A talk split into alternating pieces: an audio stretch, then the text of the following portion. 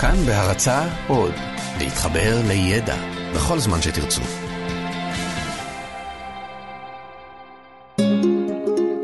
היסטוריה לילדים עם יובל מלכי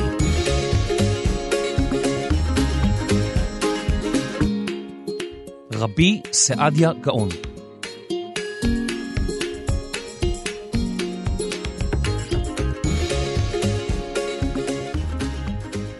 הרב סעדיה בן יוסף חי במאות התשיעית והעשירית לספירה, לפני אלף שנים בערך. הוא היה אדם חכם שהיה בקיא בתחומים רבים, בספרות הקודש, בפילוסופיה, בדקדוק ואפילו במדע. הוא לא הסכים לקבל מנהגים רבים שהיו נהוגים בימיו, וקרא תגר עליהם. הוא היה לאחד האנשים החשובים בדורו, אף קמו לו שונאים גדולים. את רבי סעדיה גאון זה לא עניין. הוא המשיך לחדש, לרענן ולפרוץ דרך חדשה, שאנו רואים אותה גם כיום.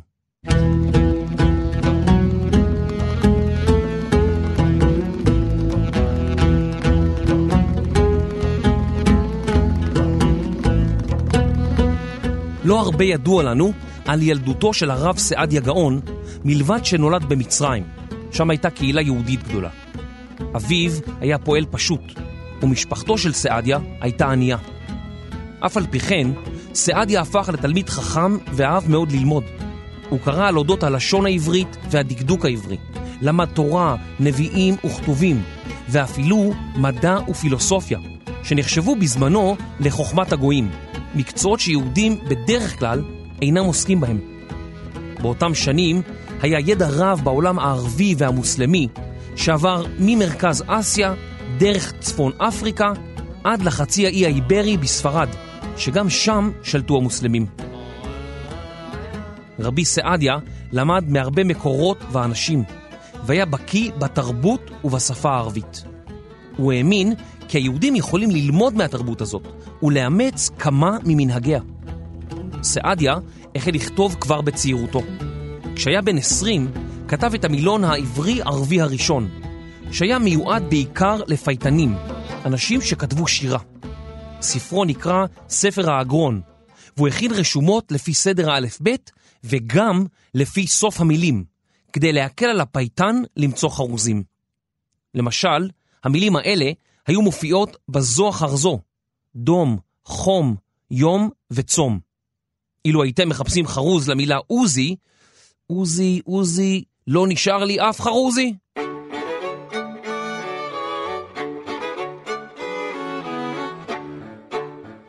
סעדיה כתב בהקדמה לספרו כי הוא מקווה שפייטנים יעזרו בספר לכתוב שירה חדשה בעברית.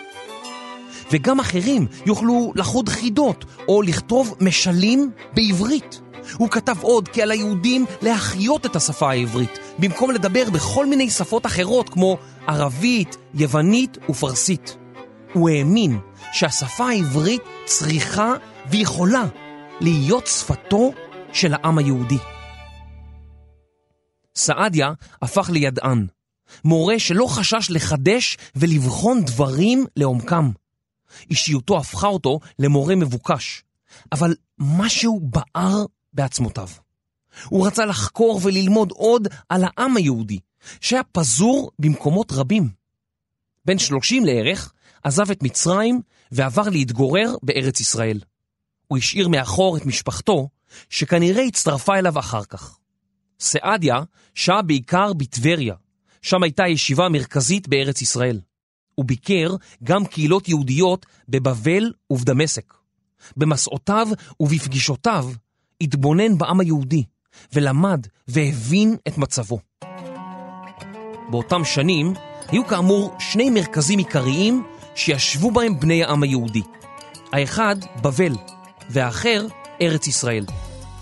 בבבל פעלו כמה ישיבות, בהן הישיבות החשובות, סורה ופומבדיטה. בארץ ישראל פעלה בעיקר הישיבה בטבריה, והייתה גם ישיבה בירושלים. מנהיגי הישיבות נקראו גאונים, ותפקידם היה לפקח על הלימודים בישיבות. הם שימשו גם ראשי בית הדין או בית המשפט היהודי. הגאונים אף ענו ליהודים מכל רחבי העולם על שאלות בענייני הלכה וחיי היום-יום, ששלחו עליהם. את התשובות היו כותבים בעיקר בעצמם, אך היו נעזרים גם בחכמי הישיבה שניהלו.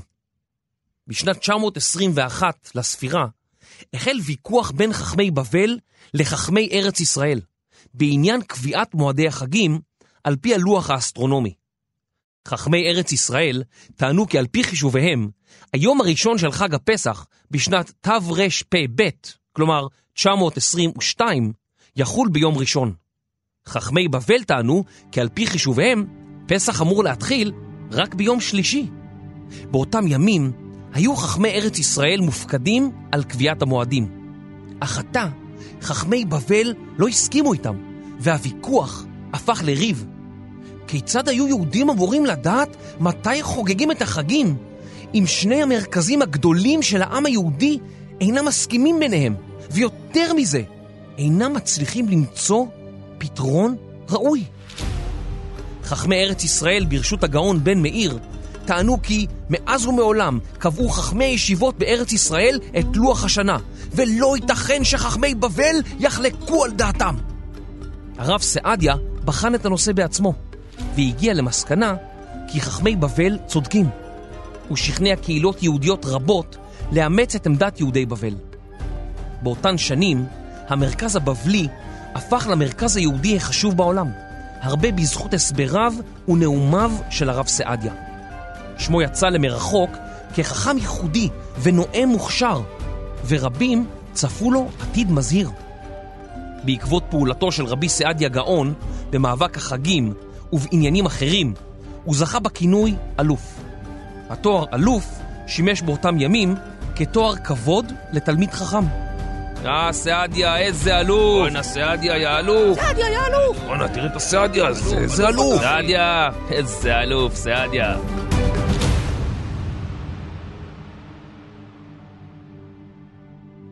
בימי חייו של רבי סעדיה גאון, יהודים רבים דיברו, כתבו וקראו ערבית, ורבים מהם לא ידעו עברית. רבי סעדיה גאון רצה לקרב את היהודים הללו בחזרה ליהדות, ולכן שקד על מפעל אדיר של תרגום התורה וספרים נוספים לערבית.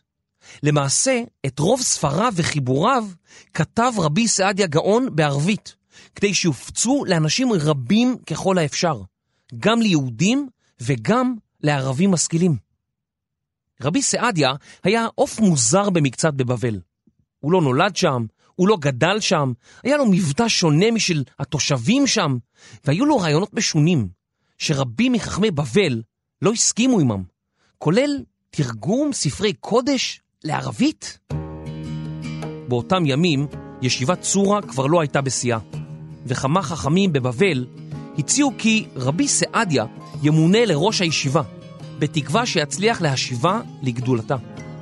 רבים מהמנהיגים הבכירים של הקהילה הבבלית התנגדו לכך, וטענו כי הרב סעדיה אינו מבבל, לא גדל בישיבות של בבל, והיה אדם קשה בעל עקרונות שלא נטה להתפשר, ולכן אינו מתאים לתפקיד.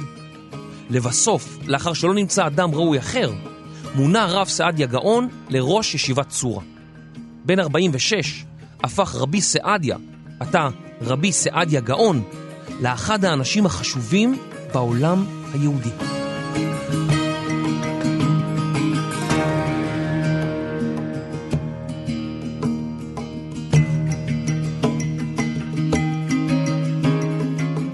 רבי סעדיה גאון ביקר בקהילות יהודיות רבות בחייו, והוא שם לב כי בכל קהילה יש נוסח תפילה אחר. בשל רצונו לאחד את העם היהודי, הוא כתב סידור שנקרא כיום סידור רבי סעדיה גאון, או בראשי תיבות, סידור רס"ג. הסידור הציע נוסח תפילה אחיד לכל הקהילות היהודיות.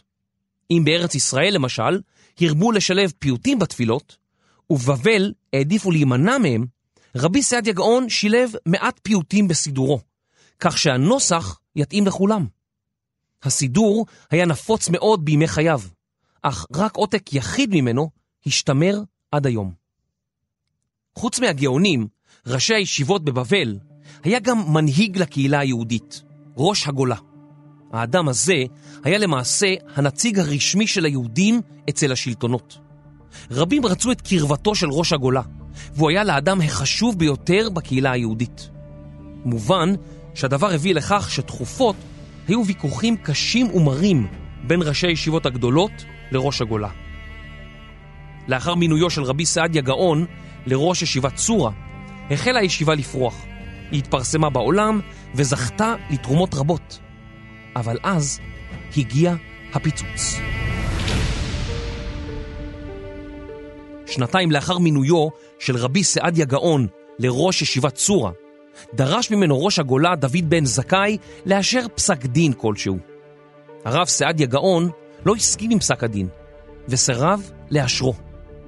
בעקבות סירובו, נשלח בנו של ראש הגולה, יהודה בן זכאי, אל רבי סעדיה גאון, להזהירו מתוצאות סירובו להישמע לראש הגולה. יהודה, כפי הנראה, אין אנו יכולים לדעת במעט האחוזים, אבל כפי הנראה, איים על סעדיה באלימות, ואולי אף איים על חייו. בתגובה על כך, היכו תלמידיו של רבי סעדיה גאון את בנו של ראש הגולה ופצעו אותו. בעקבות תקיפת בנו ובתגובה לעקשנותו של רבי סעדיה גאון, פיטר אותו ראש הגולה ומינה במקומו רב צעיר אחר. סעדיה גאון לא יכול היה לשאת זאת, וניסה למנות ראש גולה אחר במקום בן זכאי. מלחמה פרצה בין שני הצדדים ותומכיהם.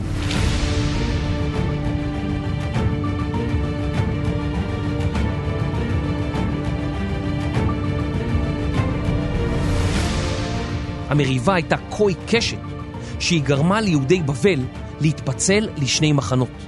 תומכי דוד בן זכאי, ראש הגולה, ותומכי רבי סעדיה גאון. תומכיו של רבי סעדיה גאון המשיכו לראות בו ראש הישיבה גם אחרי ההדחה. בשנים אלו עסק רבי סעדיה גאון בעיקר במחקר וכתיבה, והוסיף עוד ועוד ספרים וחיבורים למפעלו הספרותי. רק כשבע שנים לאחר פרוץ הריב הגדול הצליחו לפייס את השניים, והרב סעדיה גאון מונה שוב באופן רשמי לראש ישיבת צורה. כמה שנים לאחר מכן הלך ראש הגולה בן זכאי לעולמו, ומיד אחריו הלך לעולמו בנו. רבי סעדיה גאון אימץ את נכדו בן ה-12 של בן זכאי, ופרס עליו את חסותו. אחת המלחמות הידועות של רבי סעדיה גאון היא נגד היהדות הקראית, שלפיה על היהודים להיצמד למה שכתוב בתורה, ולא לפירושים שנתנו לרבנים. למשל, כאשר כתוב לא תאכל גדי בחלב אמו, זה נוגע לאכילה של גדי בחלב אמו, בדיוק כמו שכתוב, ולא לאיסור שקבעו המפרשים לאחר מכן על אכילת בשר וחלב יחד. כבר בצעירותו החל רבי סעדיה גאון לכתוב מאמרים נגד הקראים. הוא המשיך במלחמתו זו עד יום מותו. רבי סעדיה גאון היה חדשן, גם בשירה שכתב. לפניו, שירה נכתבה רק כתפילה או ברכה, שהיו בגדר חובה בבית הכנסת. איש לא כתב שיר הלל אישי לאלוהים. רבי סעדיה הראה כי אפשר לכתוב שירים אישיים, בעברית, חלקם בחרוזים וחלקם בלי חרוזים, דבר שלא היה נהוג לפניו. הוא שאב רבים מרעיונותיו מהתרבות המוסלמית שהכיר היטב. יהדות ספרד, שהתפתחה ופרחה לאחר מותו של רבי סעדיה גאון, עיצבה את תרבותה, תפילותיה ומנהגיה על בסיס חידושיו, ושירי המשוררים היהודים בספרד היו לשירים המסוגלים לרגש אותנו עד עצם היום הזה, כמו למשל שירו של רבי שלמה בן יהודה אבן גבירול, שחר אבקשך.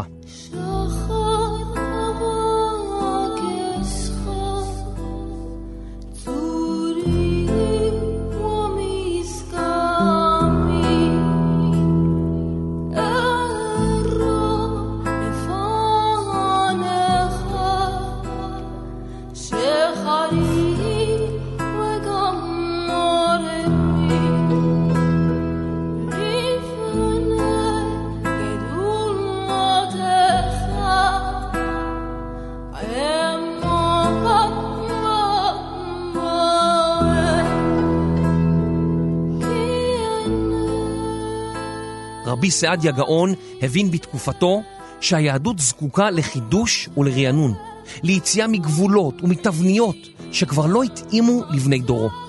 הוא חידש ורענן כמעט כל דבר שנגע בו, והביא לשינויים מרחיקי לכת בדת היהודית ובתרבות היהודית.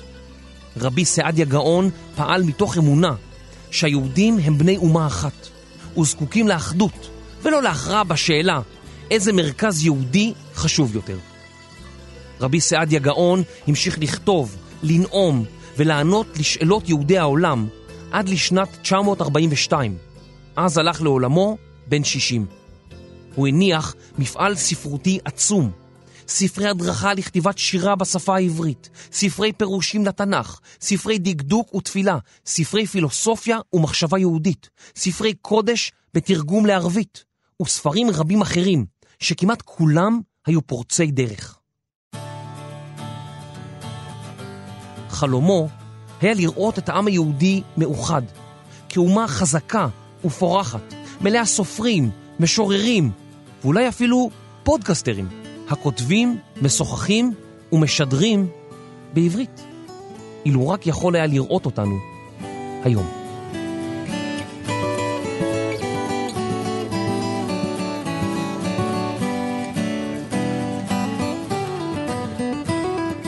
את הפרק כתב תומר שלוש, עריכה לשונית סמדר כהן. רני שחר ואייל שינדלר הפיקו. אני ערכתי וקריינתי. תודה לכל מי שהשתתף בהכנת הפרק, ותודה לכם שהאזנתם. אני יובל מלכי, היסטוריה לילדים.